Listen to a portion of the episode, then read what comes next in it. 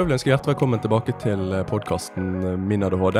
Eh, I dag så sitter jeg eh, i, i toppetasjen på klinikktoppettasjen på Majorstuahuset sammen med musikiater Espen Anker. Velkommen, Espen. Takk skal du ha. Um, kan ikke du uh, fortelle litt om deg sjøl, ditt virke. Hvem er du? Ja, jeg er altså lege og spesialist i psykiatri. Og har jobbet privat i mange, mange år. Og litt tilfeldig, litt Ja, det har liksom blitt slik at jeg har jobbet mye med ADHD.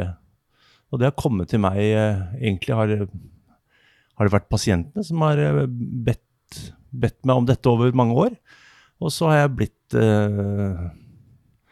ja, flinkere, da, eller engasjert og har lest og har dratt meg opp i faget rundt ADHD. Du vet, ADHD er jo en barnepsykiatrisk diagnose. Det er en barnepsykiatrisk lidelse, ikke sant. Sånn at voksen Og jeg er voksenpsykiater, så i utgangspunktet så har ikke vi voksenpsykiatere kunnskap om ADHD. Nei.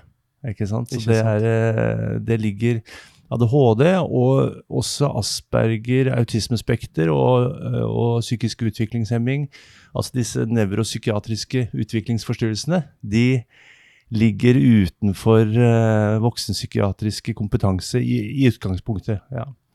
Så uh, uh, de fleste voksenpsykiatere har jo ikke um, kunnskap om det, da. Så, så da har jeg måttet lære meg, lære meg opp. Ja. Det er rett og slett gå litt uh, stien sjøl? Ja, uh, og kurs og konferanser og, og lesing og, og, masse erfaring. Og masse, masse pasienter. Ja, ikke sant. Når du, når du, sier det er masse pasienter, fordi at jeg um, Altså, navnet ditt kommer opp flere ganger for meg opp igjennom, og um, du ja, det er mange som skryter av deg, og mange med, voksne med, med, ADHD som har vært hos deg og sånn. Og mm. um, du, har jo, du, har jo, hatt veldig mange pasienter opp igjennom. Mm. Um, altså, du nevnte jo litt i sted at det var litt tilfeldigheter, men altså, hva Er det noe utover det? Altså, hva er grunnen til at du Altså Vet, jeg jeg syns jo ADHD er, så morsomt. Jeg syns ja. det er herlige pasienter. Sånn ja. at, uh, uh, og, og, mange psykiatere gjør jo ikke det. De liksom syns ADHD-pasienter er slitsomme og vanskelige. Og for meg så er det bare en dans. Ja. Det er morsomme um, morsomme, Masse spennende historier, masse energi, masse drive. Uh, og de er relativt lette å hjelpe. ikke sant? Det er ikke noe Eh, det er, ikke, det er, ikke, så vanskelig. Det er jo å utrede og behandle, og så er det Veldig mye er jo nesten, nesten quick fix. Ja, Men det høres jo veldig ja, lovende ut. ja, jeg vil si at det er, det er en takknemlig pasientgruppe. Ja. Ja, ja. Og så er det jo veldig mye positiv energi, da. Mm. Det liker jeg. Det syns jeg er veldig hyggelig. Mange gode historier. Masse, masse latter, masse gøy, da. Jeg, og, og, jeg har jo kanskje en motstand mot uh, tradisjonell uh, psykoterapi. Ok. Ja, så, det, så jeg uh, det, det, som mange psykiatere driver med, det driver jeg da ikke med. Ja. Nei, Men kan ikke du utdype litt mer om det? Hva, hva, legger du i det? Jo, du vet, tradisjonell psykoterapi er jo psykodynamisk psykoterapi, ikke sant, med relasjoner, med drømmer, med forhold til barndom, oppvekst, sånne ting. Eh, så det hvor, hvor eh, man har en tradisjonell terapi, ikke sant? hvor det foregår en relasjon mellom pasient og terapeut som, som er en del av, av behandlingen. behandlingen. ikke sant? Ja, så det, så det, driver jeg ikke så mye med, for det, det, det, ligger ikke så lett for meg. Det er ikke noe jeg, noe jeg er god på. Mens ADHD er jeg ganske god på. Mm.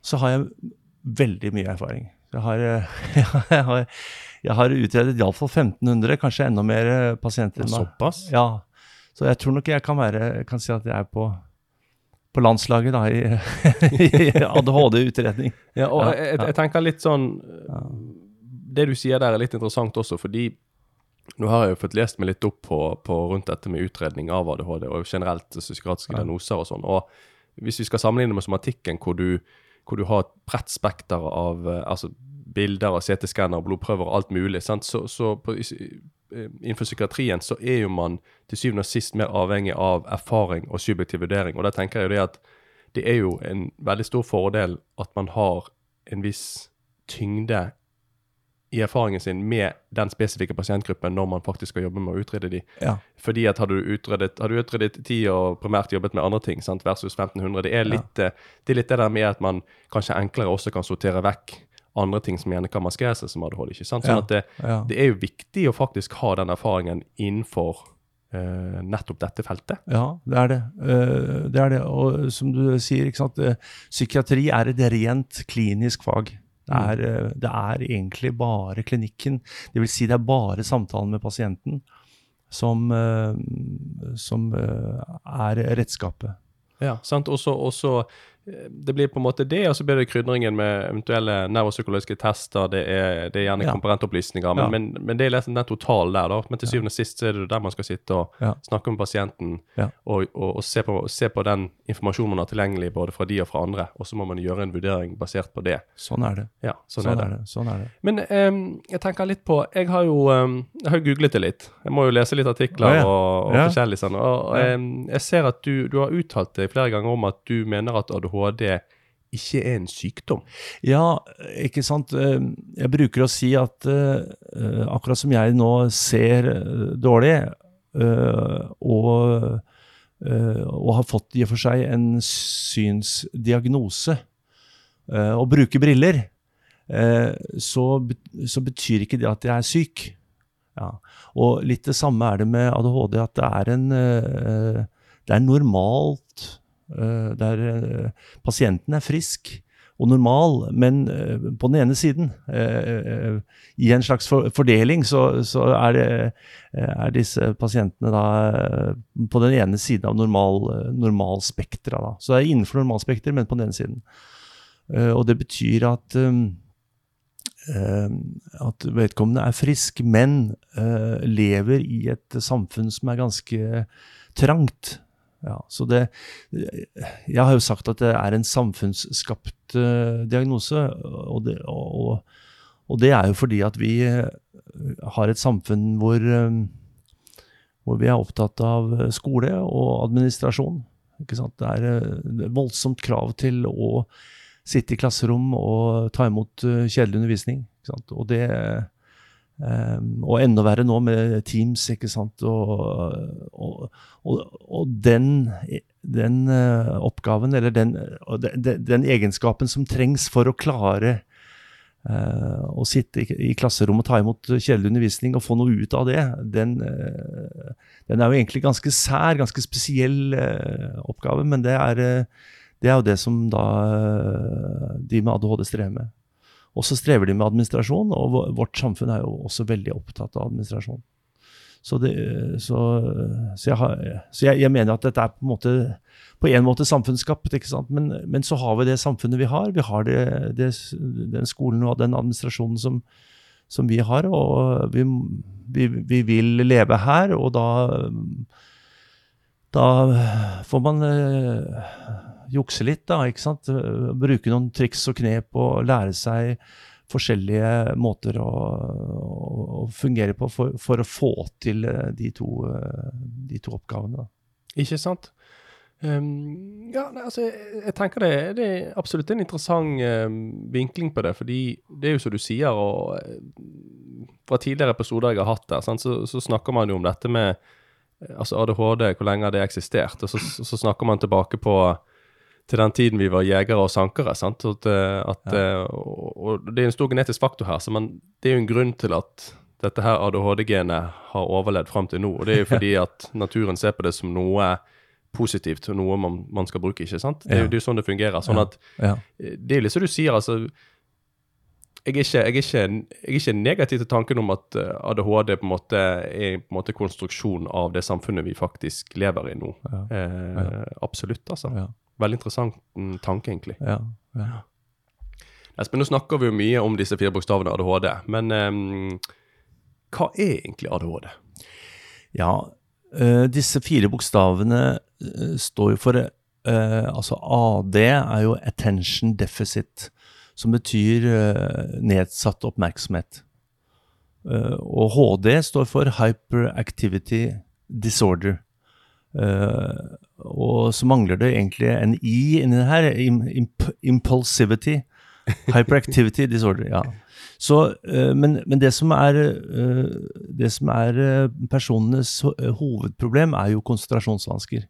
Det er det, det, er det som er lidelsens kjerne, da. Men mange har også hyperaktivitet og impulsivitet som, som symptom. Men det må man ikke ha for å få diagnosen. Man kan altså ha, ADHD uten, uten denne H-en. Um, og eh, oppmerksomhetsvanskene, de eh, er jo knyttet opp mot eh, det som er kjedelig. Vi andre, vi, vi har vi har ikke en sånn stor skilden av Altså, vi skiller ikke tydelig på det som er kjedelig eh, kontra det som er eh, spennende. Vi har samme oppmerksomhet eh, enten det er kjedelig eller spennende. Eh, mens en med ADHD har eh, en, eh, en oppmerksomhet som er eh, veldig god når ting er spennende, og som blir eh, veldig dårlig når ting er kjedelig. Eh, og det er på en måte problemet, fordi at uh, veldig mye i skole og i administrasjon er kjedelig.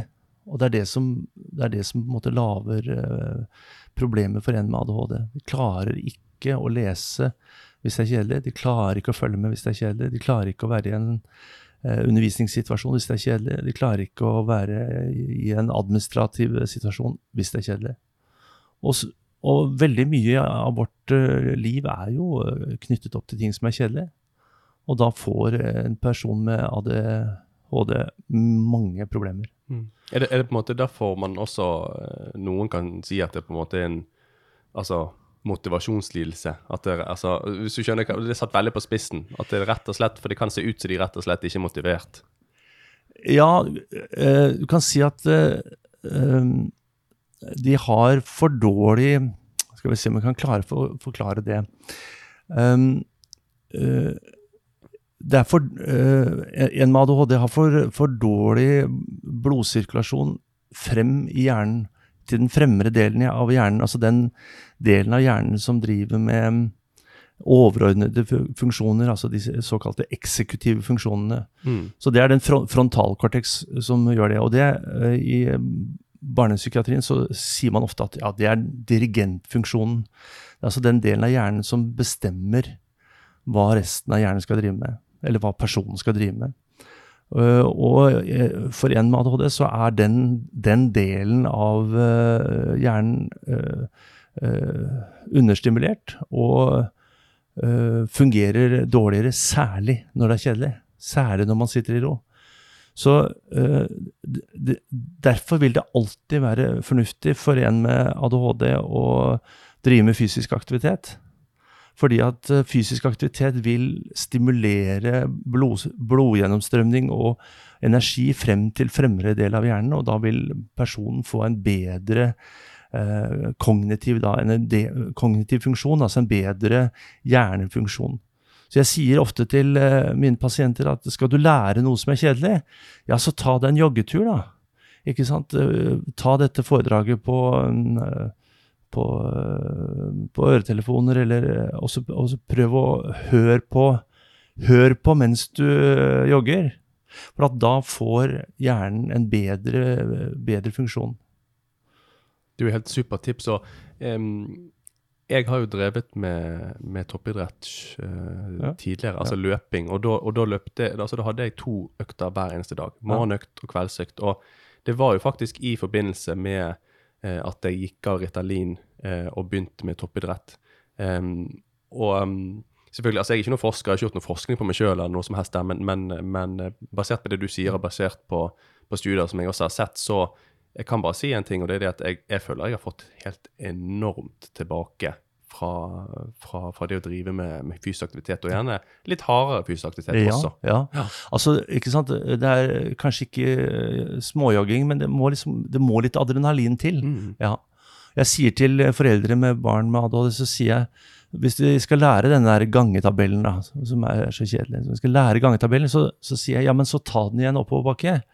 Ikke sant? Ta den i en skikkelig hard eh, oppoverbakke. Da har, har gutten en fair sjanse til å lære seg gangetabellen. Ja, og kan jeg bare skyte inn her, for jeg, jeg, jeg hørte på en, eh, på en podkast som heter eh, Hjernesterk her, eh, for en god stund tilbake. og um, de snakket jo faktisk om at, og dette, dette generelt for, for, for, mm, for de fleste, er at opp mot dette med konsentrasjon og sånn, og de, de har vel hatt noen studier som viser at det å faktisk gå ut, som du sier, og, og akkurat, egentlig akkurat det du sa, sant? det med å gjerne ha det på øret når du er ute og har noe fysisk aktivitet, eller også det at du, du går ut og går en hard tur, eller få, at du må få opp pulsen, det er det det handler om, Ja. før du kommer, går inn igjen, Ja. og så kan du sette det ned, og kan Ja. du jobbe kanskje, så har du et tidsvindu da, hvor du kan jobbe mer konsentrert. Det det der å få opp den pulsen sånn som det. Så det, Jeg anbefaler mange voksne å ha f.eks. en stående jobb. da. Mm. Løfte opp eh, kontorpulten og, og stå. Noen har til og med en eh, liten tredemølle under, eh, under bordet, så de kan gå mens de jobber. Mm. Ikke sant? Og prøve å ta alle møter, alle, alle vanskelige samtaler, ta de gående iallfall. Så, Ja. eh, så, så jeg sier ofte at sofaen er det dårligste stedet. Det er der det fungerer dårligst. Ja. fungerer best i, i, i bevegelse. Eh, og på den måten så kan du si at uh, hvis man skal lage en slags huskeregel, da, så kan du si at de med ADHD det er på en måte jeger, uh, det er jegergenet. Det er det aktive det er de, det er de som trenger å være aktiv for å få konsentrasjon. Ja. Mens vi andre, som er da bønder, vi, vi ja, ja, Og jeg er bonde. Jeg har ikke noe ADHD selv, men, men jeg um, Så jeg har god konsentrasjon, selv om jeg er helt eh, rolig. Selv om jeg ligger på sofaen, så kan jeg ha god konsentrasjon. Eh, jeg får ikke noe bedre konsentrasjon av å løpe, men, men, det, er, men det er veldig klassisk for, eh, for en med ADHD, at jeg får bedre konsentrasjon med å løpe. Så jeg tenker litt sånn, med tanke på det du har fortalt om nå, altså hvis, hvis du har en ut, utenforstående som ser en person med ADHD, og gjerne opp, oppfatter den personen som gjerne er umotivert og gjerne lat, så er jo dette en ganske god forklaring på hvorfor det gjerne kan fremstå sånn, men i realiteten så er det faktisk noe som kan være veldig vanskelig for den personen å kontrollere. Det handler ikke om at man ikke gidder eller man ikke vil, det handler rett og slett om at hjernen jobber litt imot deg, på en måte. Ja, altså, er, altså Den fremre delen av hjernen er avslått Ja. i, i rolig modus. Mm. Og da det er ikke kjangs. Det er, det ikke kjangs til å finne konsentrasjon. Det er ikke kjangs til å følge med på øh, forelesning. Så, så ja, det, det må være fysisk aktiv under konsentrasjon. Det er mitt uh, lille poeng da. Altså prøve å, prøve å være aktiv når, når man skal være konsentrert. Ja, jeg, sy- jeg syns det er helt fantastisk Du kan eh, stå tips. bakerst i forelesningssalen. eh, ikke sant? Du kan stå bakerst og, og trippe litt. Uh, eh, mange jenter som strikker, da, ikke sant? for å liksom prøve å være fysisk aktiv. Ja. Mm. Um, ja, Så er det dette med uro, øh, øh, eller altså hyperaktivitet, impulsivitet, som egentlig er, er urolighetsgenet. da. De har en indre uro, en, en øh, kribling, pipling inni kroppen som som, som jenter ofte kan skjule, mens gutter slipper mer løs. Og Derfor er det, derfor er det gutta blir oppdaget mye mer enn jentene.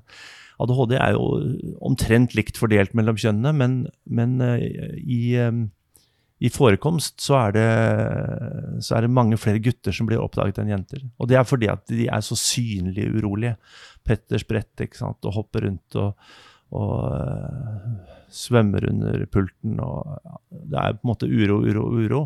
Og, og da blir det lettere oppdaget. Ja, og da, Det er jo en grunn til at det er mange jenter som blir diagnostisert i voksen alder. sant? Ja. Eh, Veldig mange hos meg kom, og, kom jo med en eh, lang og ganske trist historie om, eh, om uoppdaget ADHD. Mm. mm. Når du snakker om hyperaktivitet altså, Jeg er ikke noen fagperson, men jeg, jeg, har, altså, jeg har tenkt mange ganger på liksom at er det, med tanken på at hjernen har såpass godt av den fysiske aktiviteten, altså kan det ligge noe i at det hyperaktive elementet hos de med ADHD eh, kan være hjernen sitt forsøk på å prøve å komme seg i aktivitet? Ja, det kan være at det er sånn. Det, det, er helt ok å si det sånn. Dette vet vi jo ikke. Det, det, det er jo, eh, hjerneforskning er jo kjempevanskelig fordi at eh, hjernen ligger så isolert, og det er ikke mulig å ta noe prøver av hjernen. Eh? Man kan ikke stikke en nål inn og ta en blodprøve, eller en hjerneprøve. Så hjernen er det organet i kroppen som ligger mest isolert, og som er vanskelig å få tak i. Men det kan godt være at du har rett i det. Man kan iallfall se det på, på, den måten og bruke det. og tenke at ja, uh, uro, uh, fysisk uro, ja, den, uh, den den har jo, Det er iallfall et signal om at denne personen trenger å være i bevegelse. Og, og, dessverre er jo norsk skole, og ja, skole generelt, er jo veldig opptatt av at man skal sitte i ro. Det er jo en del av det man må lære, å sitte i ro, sitte pent.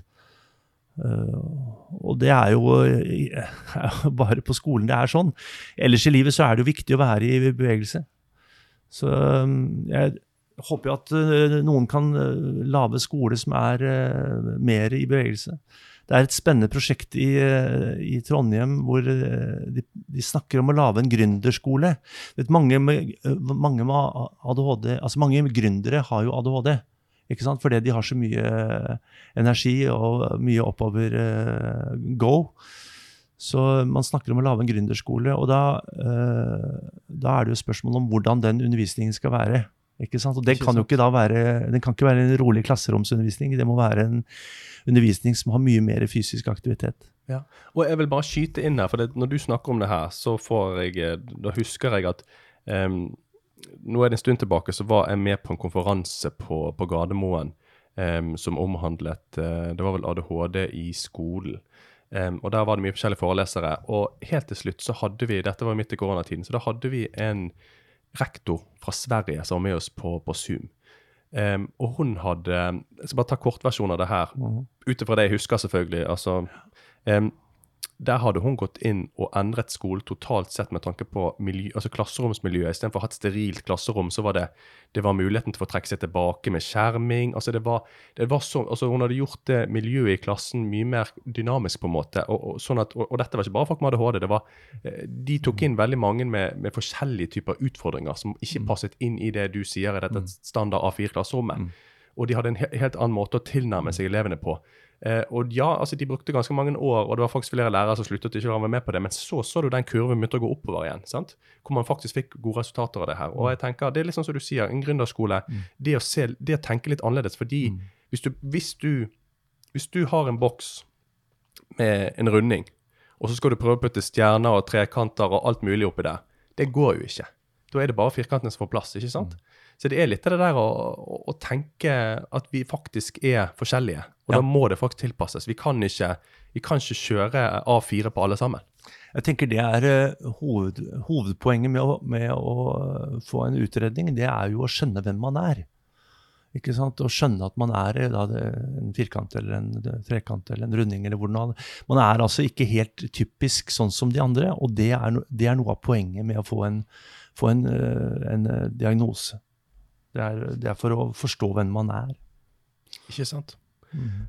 Espen, nå når vi, snakker, vi snakket jo litt om dette med utredning litt tidligere. og um, Jeg jobber jo innenfor psykiatrien sjøl og har vært med på utredninger og sett litt hvordan overlegene og psykiaterne jobber uh, rundt dette her. Um, og jeg har jo vært med på tilfeller hvor uh, en person gjerne har hatt en diagnose uh, over flere år Eh, og så etter grundig og omfattende kartlegging hos oss, så vurderer overlegen at denne diagnosen her stemmer ikke. Og de får gjerne satt en annen diagnose eller en annen problemstilling rundt det. Um, og det er jo mange som, som ja, mener at for mange sett får diagnosen ADHD. Så litt rundt dette med Altså, hvordan er det når du jobber Hvordan differensierer du mellom Altså, det kommer en person inn Eh, det kan være veldig mye forskjellig her. Hvordan differensierer du, hvordan fjerner du alt det andre, og så ser du til slutt liksom, er det ADHD står igjen, eller er det noe annet? Uh, og Hva er dine tanker litt opp mot dette med feildiagnostisering? Ja. Egentlig to spørsmål. da. Ja da. ja da. Jeg kan prøve å si noe om det. fordi at uh, eh, Det jeg gjør, er å, å prøve å, å, rydde i et, uh, i et ja, hva skal vi si, kaos. Da. Det, det kommer pasienter som har masse symptomer, masse, masse, opplevelser, og så bruker de også masse faguttrykk. Så jeg prøver å dra dette ned til hva er det faktisk du plages med? Hva er, hva er dine plager på, på, si, på norsk? ikke sant? For, blant annet så er det mange som kommer og sier at de har angst.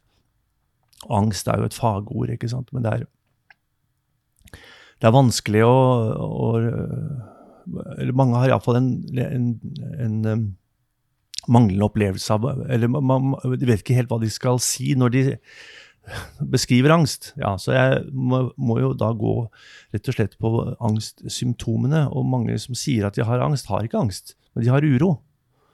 Eh, så, så, jeg tenker at min, min, hovedoppgave er jo å rydde i symptomer og eh, prøve å beskrive de symptomene i en, eh, en, en sammenheng som, som, gjør at vi kan komme frem til en diagnose. Og da gidder jeg å gå gjennom alle de, de sto, alle de store psykiatriske lidelsene. Så jeg, jeg gidder å tråkle meg gjennom alle angst- og depresjonslidelsene. Og jeg er innom eh, psykose og innom rus. Og jeg er innom personlighetsforstyrrelser. Slik at jeg kan på en måte si at ja, men det er iallfall ikke det, og det er iallfall ikke det. Og det er ikke det. Og så uh, gjør vi da også en grundig vurdering av ADHD. Og, og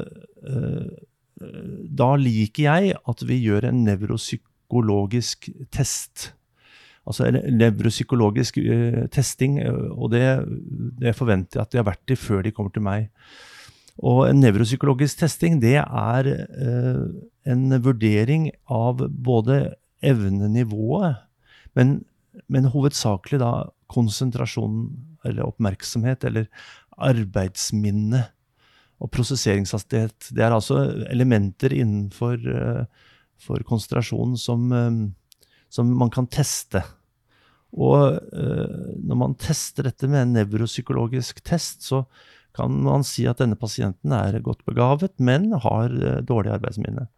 Uh, det er litt som en PC som har dårlig arbeidsminne, og det er veldig typisk for bl.a. ADHD.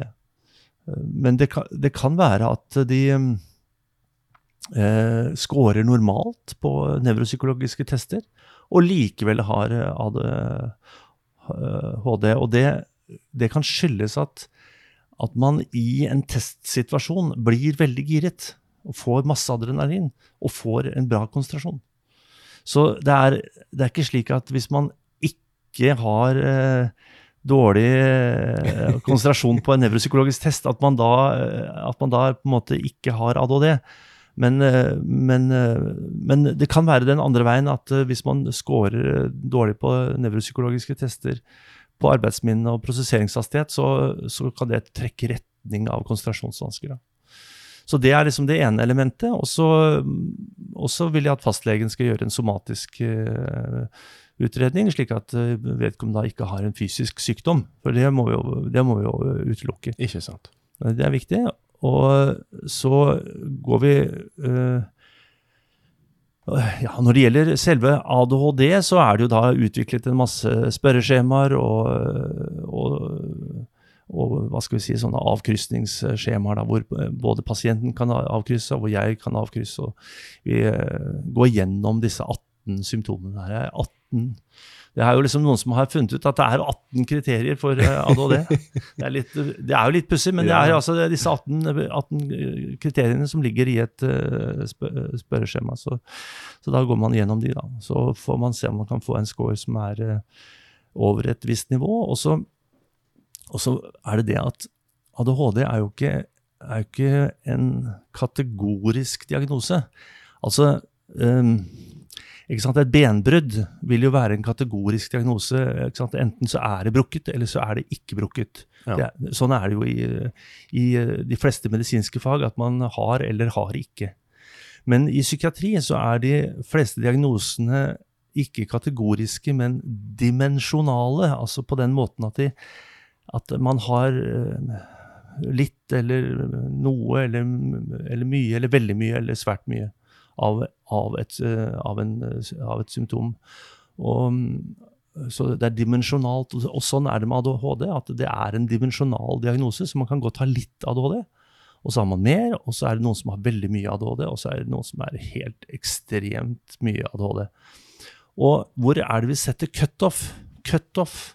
Altså når er det man får en får, når, når, er det man kvalifiserer for en diagnose? Jo, det er når symptomene har uh, negativ påvirkning på livet. Ikke sant? Det kom på livet. Uh, det kan være jobben, det kan være sosialt, og det kan være privat, det kan være i utdanning. Ikke sant? Og på den måten så kan man jo skli ut og inn av en diagnose fordi at, fordi at livet forandrer seg. Ikke sant? Hvis man er student og holder på med sin øh, bachelor- eller mastergrad og ikke får det til, så kan det, så kan det være at man da får øh, nok symptomer til å fylle en diagnose. Men hvis man da kommer ut og blir feltarbeider på en eller annen måte og får vært mye i naturen, så kanskje man faller ut av en diagnose. Ikke sant. Ja, så det, det kommer an på livet. Ja, ja, sant. Og det, det, jeg syns det er veldig interessant opp mot dette med å faktisk altså, Feildiagnostisering, sette riktig, ikke. For det er som du sier, det er jo, det er på en måte dynamiske gjennom livet. og um, det, er også, det, er jo også, litt sånn innenfor psykiatrien at det er mange diagnoser som gjerne glir litt inn i hverandre med tanke på symptomtrykk også. Uh, og jeg tenker litt på det du sa i sted. Det er jo litt sånn at som du sier, liksom, hvor er cutoffen? sant? Og cutoffen den går jo i, i, prinsippet når det blir en funksjonsnedsettelse for den personen. ikke sant? Men det er som, riktig. Det er, ja, riktig. Det, er, det, er det det er. Ja. Når det blir en funksjonsnedsettelse Dette burde jeg klare. Jeg, jeg har øh, jeg, jeg, har jo, jobber jo mye med å, å forklare pasientene hva som er hva som er deres problem. Og da har jeg funnet et bilde som kanskje, kanskje du kan, eh, kan eh, leke med. Det er hvis man sier at hjernen er som et, et bibliotek. Så sier jeg ofte til pasienten at når jeg har sett disse nevropsykologiske testene, så sier jeg at men du har jo et veldig bra, bra hjerne, altså bra bibliotek, masse bøker, veldig flott. Problemet ligger ikke i Eh, hva skal vi si, intelligensen, eh, men det ligger i, eh, i resepsjonen. Ikke sant? Det er, det, er, det er, litt tull i resepsjonen. Det er, det er frontdesk. Det er, der, det er der det er problemer. Ikke sant? Du får på en måte ikke Det er, akkurat som det, er vanskelig å hente frem den gode boka som, som, som jeg vet du har. Ja, det er ett bilde på dette med Jo, men det er et godt bilde, syns jeg. Ja, godt bilde. Gir, eh, det, altså det som du sier, det er frontesken, det er frontallappen som, eh, som rett og slett uh... Styringsfunksjonen. Ja. Det er det som er problemet. Mm. Ikke, ikke, kunnskapen eller intelligensen, men det er styringsfunksjonen. Mm. Ja. Altså, nå har vi jo snakket litt om dette med utredning, men, men når man først har fått en ADHD-diagnose, så, så, skal jo man i utgangspunktet ha god behandling. Og jeg tenkte litt på det du nevnte litt i starten her. så Eh, du var veldig positiv til å bruke fysisk aktivitet som en, som en del av behandlingen med ADHD. Kanskje du fortelle meg litt eh, altså, Hva tilbud er det man, man, får og har og bør skal ha når man får ADHD? Ja. den, den viktigste behandlingen er jo det som heter psykoedukativ behandling. Det er det som står i veileder for utredning og behandling av ADHD, det er psykoedukativ behandling. Og Det betyr at uh, det er viktig med kunnskap. Er, altså edukativ, ikke sant? En kunnskapsorientert behandling. Det er, og det er jo det jeg driver mest med. Det er jo å prøve å undervise pasienten i hva er det som er problemet, og hvordan kan jeg avhjelpe det som er vanskelig. Og da er f.eks. dette med fysisk aktivitet det er en viktig del av eh, den psykoedukative behandlingen. Og det er også viktig å ha kunnskap om ADHD og hvor, hvordan det arter seg. Og, øh, øh, og hvordan pasientene blir plaget med uh, f.eks. Uh, uro, ikke sant? Som, som kan avstedkomme masse masse vanskeligheter med, med kroppslig uro, med kribling, med pipling. eh, Mange jenter har jo uro i hodet. De føler at de har en hjerne som Eller et hode som er bare grøt. ikke sant? En som sa til meg at jeg har, eh, jeg har spagettitanker. Så det, jeg tenker at eh, det å lese mye om ADHD, eh, lære seg eh, Skjønne hvem man er i forhold til ADHD, det er, det er den viktigste delen av, eh, av behandlingen. Og så har veldig mange med ADHD de har søvnproblemer. Så jeg bruker mye tid på å snakke om søvn. innsovning, såkalt, såkalt søvnhygiene, ikke sant? som er eh, Mm. Altså rett og slett hvordan å klare å sove om natten. Så det er, eh, det er en veldig viktig del av eh, behandlingen. Å få, få til nattesøvn.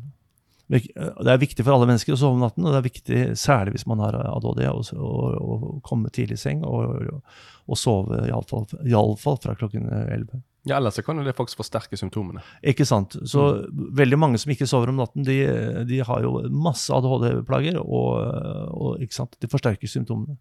Så det er første, første pri, det er å sove om natten. Det er det, det jeg legger mest vekt på, som jeg liksom eh, sta, sta, starter med det, da. Nattesøvn. Mm. Og så er det jo da medisiner som er eh, hva skal vi si, ganske banalt, egentlig. For medisinene er jo såkalt sentralstimulerende. og vil si at de, de øker på en måte pulsen. Øker blodtrykket. De øker gjennomstrømningen frontalt i hjernen.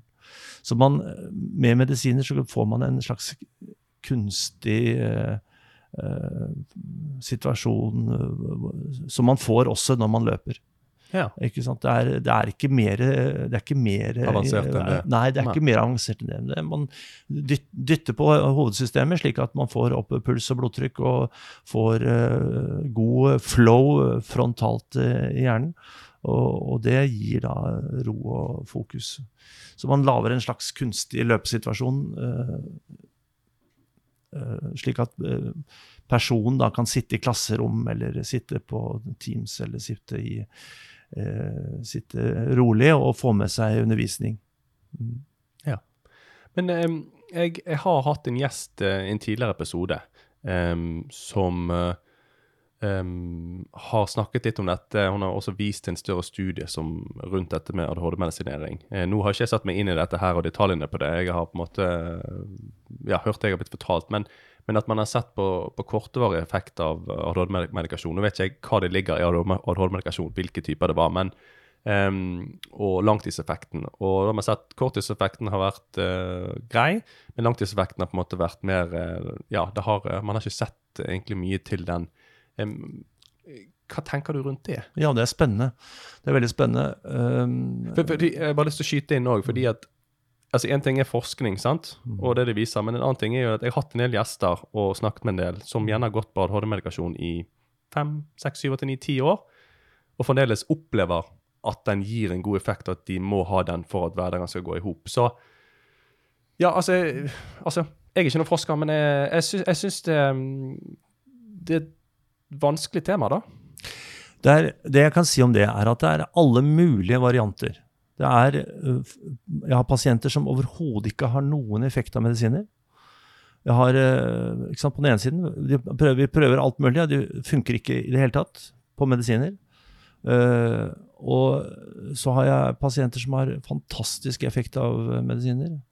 Uh, og så er det noen som har effekt av den medisinen, men ikke av den. Det er altså ulike typer medisiner. Og så er det noen som du sier har kortvarig effekt, kanskje en måned eller to, og så dabber det av. Eh, så slutter de med medisiner, og så kommer de tilbake på medisiner. Eh, noen har effekt i noen år, og så dabber det av.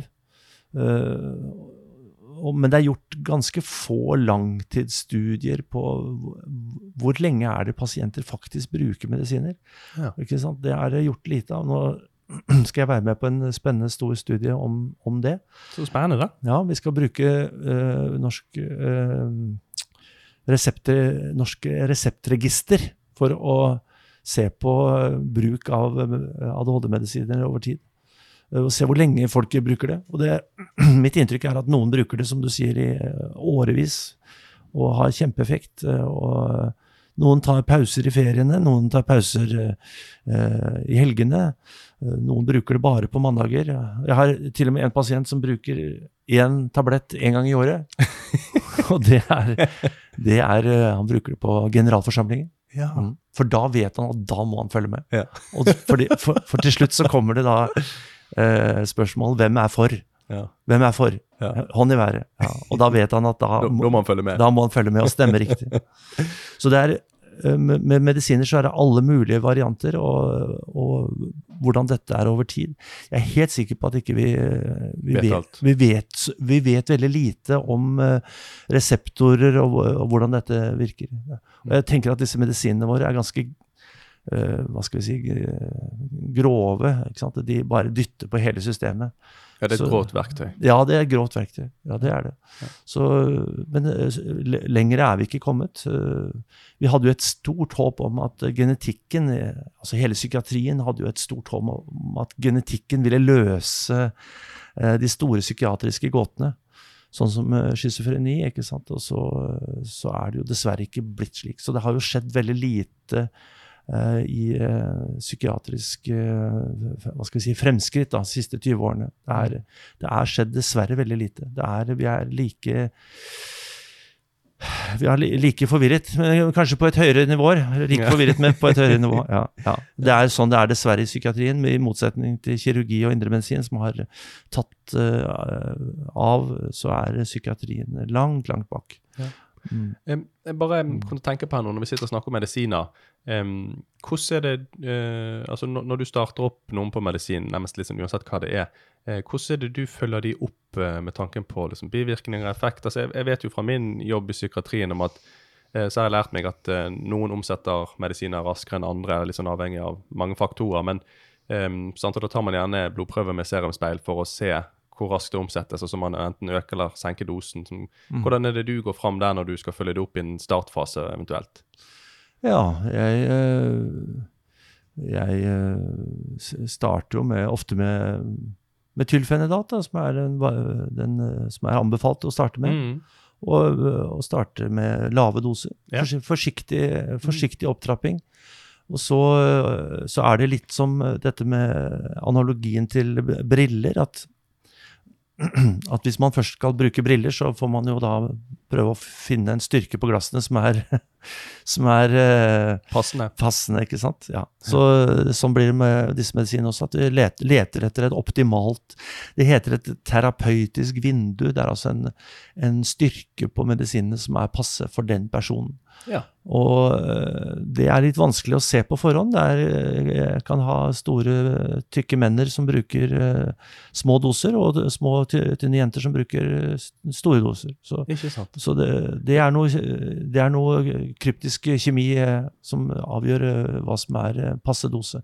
Men jeg leter etter passe dose og, passe, passe, og også passe medikament. Da. Så det er, det er jo på en måte legekunsten.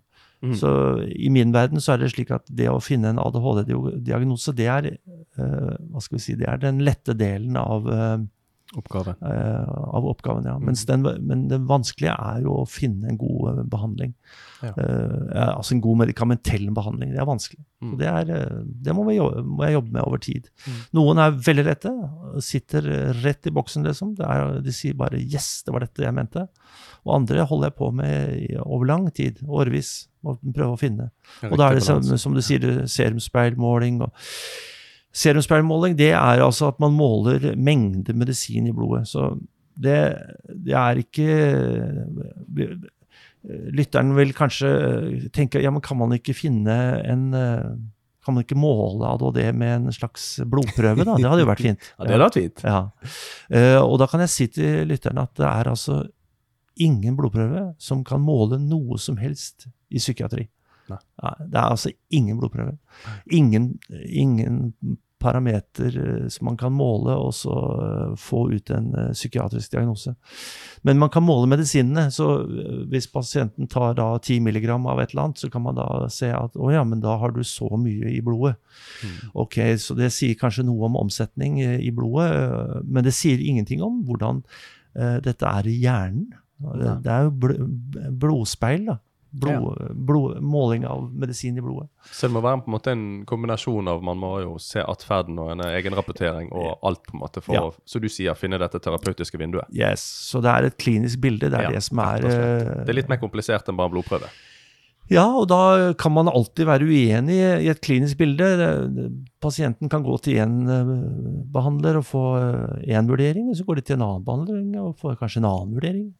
Fordi at eh, vi er psykiatere vi er jo forskjellige, og vi har også forskjellige måter å utrede på. Vi har eh, forskjellige synspunkter. Mm. Så det er eh, eh, Sånn er det med ADHD. At, eh, noen, noen mener at dette var eh, nok til å fylle en diagnose, og andre sier at nei, dette er ikke nok. Dette pasienten er ikke syk nok. Pasienten går jo på studerer jo eh, eh, på universitetet, da kan den ikke være dårlig.